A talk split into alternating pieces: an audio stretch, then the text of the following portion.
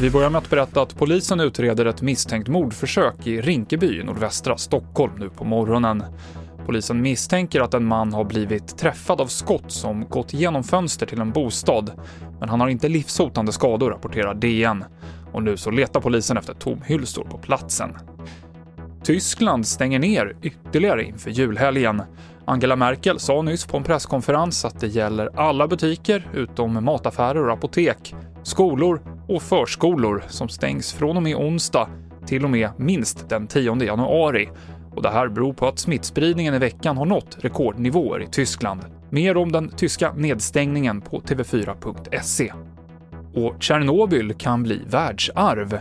Den ukrainska regeringen försöker få Unesco att eh, ta med området runt det havererade kärnkraftverket på sin världsarvslista.